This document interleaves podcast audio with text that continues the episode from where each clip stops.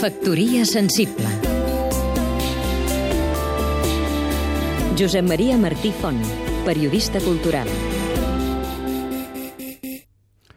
Cap allà als anys 60 va sorgir als Estats Units una generació de periodistes amb prou talent com per inventar-se un artefacte literari amb el que destripar les històries que il·luminaven els nous temps.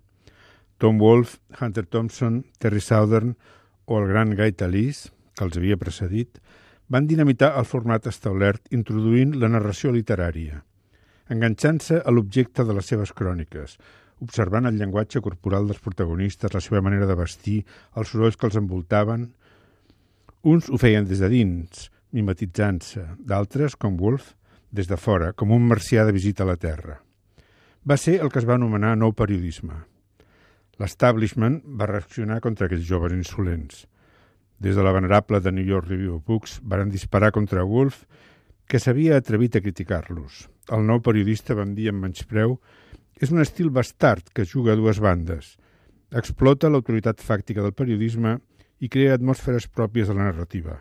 Wolf, pronosticaven, no serà llegit d'aquí uns anys, ni tan sols l'any que ve. Ha passat gairebé mig segle. Wolf ha estat a Barcelona i l'ha entrevistat Llàtzer Moix a la Pedrera. Ha sigut un privilegi. Els que no estan sent llegits són els seus crítics, encara que des del New Yorker segueixen sense perdonar-li, com ell es va carregar d'explicar. El que sí ja no existeix són els mitjans que permetien a gent com Hunter Thompson o el propi Wolf escriure articles de 20.000 paraules i que els seus lectors els devoressin. Ara n'hi ha prou amb un tuit. Factoria sensible